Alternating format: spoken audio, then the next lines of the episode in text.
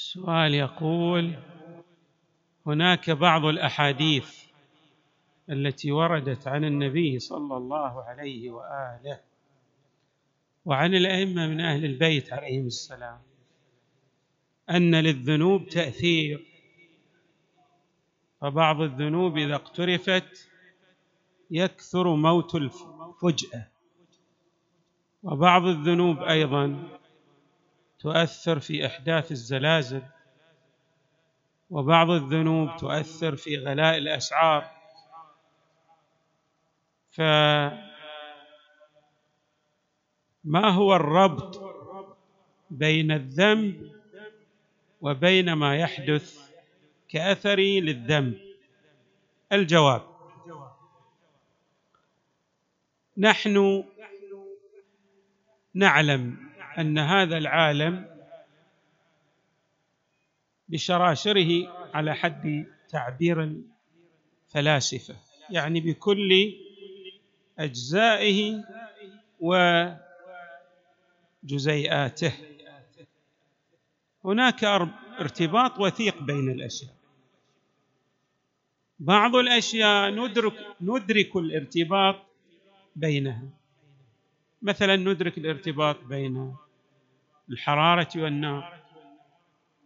أن الحرارة مثلا سبب للغليان. هناك أمور ندرك الارتباط بينها. وهي كثيرة جدا. الأمور التي ندرك الارتباط بينها هي أمور كثيرة.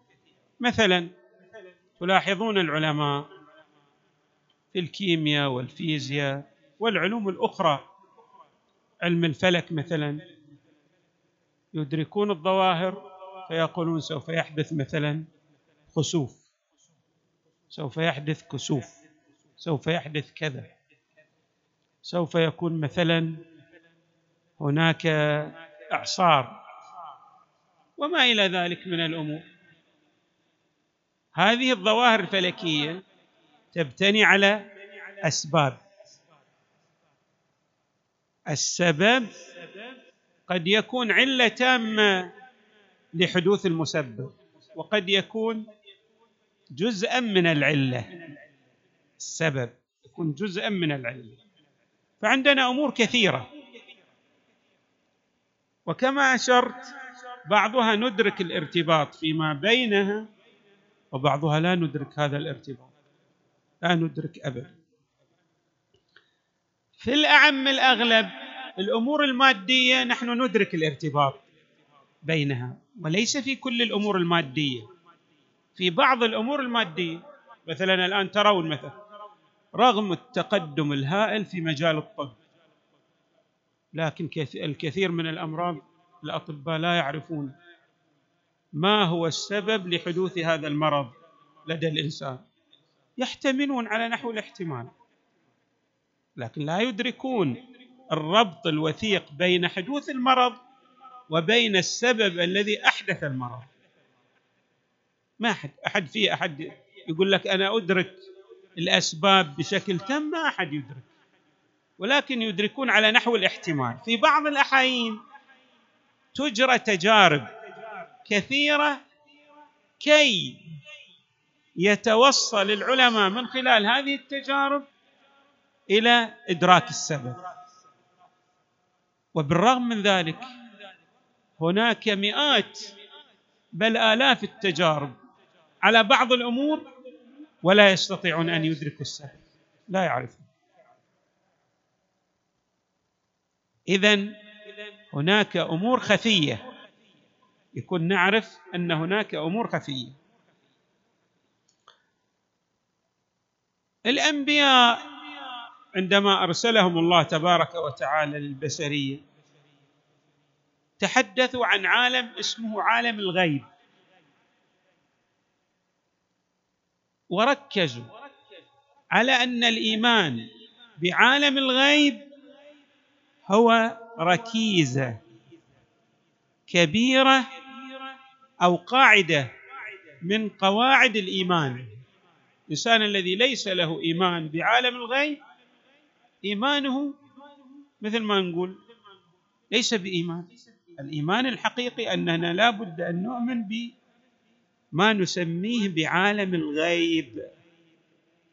طيب إحنا الآن نقرأ في الروايات أنه إذا مات الإنسان يحصل له كذا ويحصل له كذا ويحصل له كذا. ما ندري. لكن الأنبياء اخبرونا بذلك عن الله تبارك وتعالى ونحن نصدق بما أخبرنا به الأنبياء. ألف لام ميم. ذلك الكتاب لا ريب فيه. هدى للمتقين. من هم المتقون؟ الذين يؤمنون بالغيب. الغيب يعني ما تدرك حقيقته. نعم. الأنبياء الله اطلعهم على جزء كبير من الغيب. الأنبياء والأئمة عليهم السلام الله تبارك وتعالى اطلعهم على جزء كبير من الغيب. كما ورد عندنا ذلك في بعض اي القرآن الكريم وفي الروايات. الله أخبر هؤلاء بجزء كبير من الغيب. ولذلك ترون مثلا عيسى يعني يخبر الناس بما يأكلون وما يدخرون في بيوتهم. لماذا؟ لأن الله تبارك وتعالى أطلعه. والنبي صلى الله عليه وآله أخبر عن كثير من المغيبات المغيبات وقد حدثت. وأئمتنا صلوات الله وسلامه عليهم أجمعين أيضا اخبرونا عن كثير من الأمور وقد حدثت. لأنهم لهم اتصال وثيق بعالم الغيب. إحنا ما ندري. من الأمور التي أخبرنا بها الأنبياء والرسل والأئمة من أهل البيت تأثير بعض الذنوب على الإنسان بل على الكون على الكون. نحن ما ندري. الآن يمكن العلم يتقدم ويصل إلى إدراك الربط بين عالم الغيب يعني اللي ما ندركه العالم المعنوي وبين العالم المادي. بس إحنا الآن ما ندري. إلى يومنا هذا ما ندري. والناس ما يعرفون. يعني ما يعرفون أسرار الارتباط قالت لنا مثلا موجود في الروايات. إذا كثر الزنا. شوفوا كثرة الزنا شو تسبب عليها؟ تكثر الزلازل. تكثر الزلازل. في دعاء كميل نحن نقرأ مقاطع من دعاء كميل أو في بعض المقطع اللهم اغفر لي الذنوب التي تهتك العصم. اللهم اغفر لي الذنوب التي تنزل النقم. اللهم اغفر لي الذنوب التي تحبس الدعاء. الأئمة يعني يتحدثون أن هناك ذنوب يقوم بها الإنسان. بعض الذنوب تؤثر في التضييق عليه في رزقه. بعض الذنوب تؤثر في إحداث بعض الأمراض بعض الحوادث. ولهذا الإنسان يحتاج إلى اللجوء إلى الله تبارك وتعالى بالدعاء حتى يتجنب آثار هذه الذنوب الذي التي تحدث له من خلال التوبة واللجوء إلى الله. إذا الإنسان لجأ إلى الله الله تبارك وتعالى يغفر تلك الذنوب بل ويزيل الأثر الوضعي الذي يترتب على ذلك الذنب. طيب. الذي أريد أن أضعه بين معقوفتين أو بين قوسين. أننا لا ندرك الآثار بين الذنوب من الناحية المعنوية وما يترتب عليها. من النواحي المادية. ما ندرك. هذه أمور أخبرنا الله تبارك وتعالى عبر أنبيائه وأوليائه وإحنا ما ندرك. وكثير من الأمور لا ندركها حتى الأمور المادية. نحن لا ندركها الكثير ما ندرك. وما أوتيتم من العلم لا قليلا. إحنا ندرك جزء ولذا شوفوا الآن يلا شو الأثر؟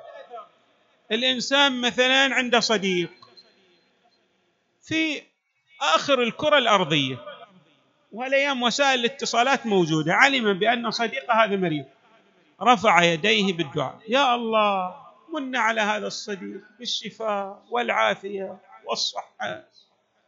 جاء تليفون قالوا له طاب هذا. كان ميؤوس من بس هذا توجه إلى الله. شو الأثر بين الدعاء وال... من ناحية مادية ما في اثر هذه من ناحية معنوية. أحد كبار علماء الفسلجة ألف كتاب. هذا لعدة كتب وكتبه نافعة. اسمه الكسس كاريل فرنسي. وهو من العلماء في الحقيقة الجهابذة. كان طبعا قديم هو يعني تقريبا بداية القرن التاسع عشر لكن مؤلفاته لا زالت لها رونق وجميلة جدا. من كتبه المهمة كتاب الإنسان ذلك المجهول. عنده كتاب صغير جدا وجميل وحري بالمؤمن أن يقرأ هذا الكتاب. هو مسيحي طبعا بس يعني في بداية أمره يبدو أنه كان مادي من خلال تعبيراته من خلال تعبيراته. يقول إحنا ما ندرك الأثر للدعاء ما نعرف شنو الأسباب. كأطباء من المتخصصين في علم الفسلجة ما نعرف. شلون هذا الإنسان يرفع يديه بالدعاء يلتجئ إلى الله والله يعطيه. وهذا الدعاء الله يستجيب حتى للكافر. إذا لجأ الإنسان إليه وهو كافر وقال يا يعني إذا اعترف بوجود الله وقال أنا فقير يا إلهي أعطني الله يفيض عليه يعطي مع أنه لا يؤمن به ما لا يؤمن به يعني جاحد. هو الإنسان ما يجحد يعني حقيقة يجحد ادعاء واعتبارا ولا في قرارة نفسه يعرف بأن هذا الكون من المستحيل أن يحدث صدفة ففي بعض الأمور التي تمر عليه بعض الانات الزمنية تمر على الإنسان شنو؟ يعني يضطر أن يلجأ إلى الله ما يشوف له عنده وسيلة لا ملجأ إلا الله تبارك وتعالى فيتوجه إلى الله الله مع ذلك مع أنه هو يعني غير جيد في سلوكه كافر عنده ذنوب. لكن بما أنه التجأ إلى الله الله كريم الله يعطيه الله يفيض عليه. اذا الآثار التي وردت وهي تترتب على الذنوب إحنا لا نعرف السر في ترتبها. ولكننا نعلم جازمين بأنها تترتب يعني لأن الأنبياء والأئمة عليهم السلام اخبرونا بذلك وهم الصادقون المصدقون. يعني النبي صلى الله عليه وآله عندما أخبر بأمور حدثت بعد مئات السنين. وبعضها ما زال يترقب الخلق كأخباره مثلا عن الإمام المهدي وعن غيبته. وعن أنه سيقود هذه الكرة الأرضية نحو شاطئ الأمان وساحل النجاة. كثير من الأمور بعد لم تحدث ولكنها ستحدث ونعلم أنها ستحدث. أيضا إخبار النبي والأئمة عليهم السلام وكذلك إخبار الأنبياء والرسل عندما أخبرونا بأن للذنب تأثير وتأثير الذنوب سبحان الله يعني تأثير عظيم. بل هناك رواية وردت عن الائمه مضمون هذه الرواية كالتالي يحتاج الإنسان دائما أن يتأمل في هذه الرواية. كلما أحدث الخلق من الذنوب من الذنوب يعني أمور جديدة يحدثونها بتسويلات الشيطان لهم. كلما الله تبارك وتعالى أحدث لهم من البلاء يعني أوجد لهم طرق للابتلاء من حيث لم يحتسب. لا يحتسبون ولكن يأتيهم بلاء. لا يدرون كيف جاء لهم هذا البلاء. لأن هذا الكون هو بيد الله تبارك فحري بالمؤمن أن يلتجئ إلى الله تبارك وتعالى. يتصدق يبر والديه يصل رحمه. يدعو الله ليل نهار صباح مساء أن يجنبه الذنوب. أن يجنبه الذنوب وأنه حتى إذا أذنب والعياذ بالله يسأل من الله تبارك وتعالى المغفرة. هناك روايات إن الله يرجع ترتيب الأثر الوضعي للمذنب. ساعات مثلا يرجئه ثمان ساعات في الروايات أو اثنتي عشر ساعة. الإنسان يكون في هالفترة يلتفت إلى الله يستغفر يتوب ينوب إلى الله ينيب يعني إلى الله. وأيضا يتوسل إلى الله بأوليائه توسل لمحمد وآل محمد من أعظم الآثار. اللهم صل على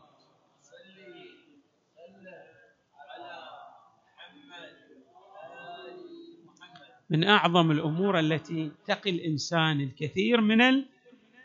من آثار الذنوب. وكذلك أيضا تكرار الصلاة على محمد. تكرار الصلاة.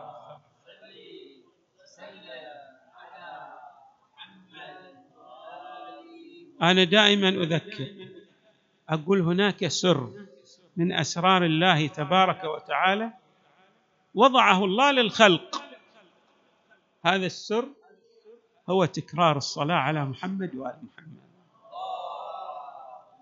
عليه وسلم. على محمد.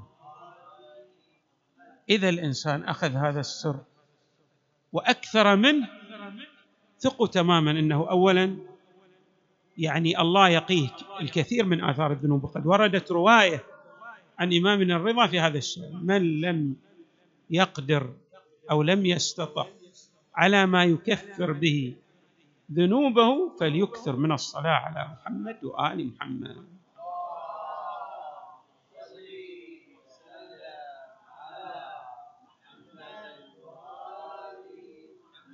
والاستغفار أيضا والتسبيح والصدقة وكما ذكرت أيضا بر الوالدين وأيضا أنا أسمي بر الوالدين السحر الحلال. في سحر عندك حلال بر والديك تشوف الله شيء يعطيك يعطيك من الخيرات ما لا يخطر على بالك. خصوصا إذا كان الوالدين معك مو بزينين. يتعاملون معك بشكل مو بجيد. أكثر من برهما شوف قد الله يعطيك. وأيضا صل رحمك. حتى إذا كان هذا الرحم غير جيد. يسيء إليك أكثر من صلتك له. وسترى أن الله تبارك وتعالى يغدق عليك من رزقه الحلال. الطيب. نسأل الله تبارك وتعالى أن يختم لنا بالحسنى وأن يجعلنا مع محمد وآل محمد البررة الميامين الطيبين الطاهرين والحمد لله رب العالمين.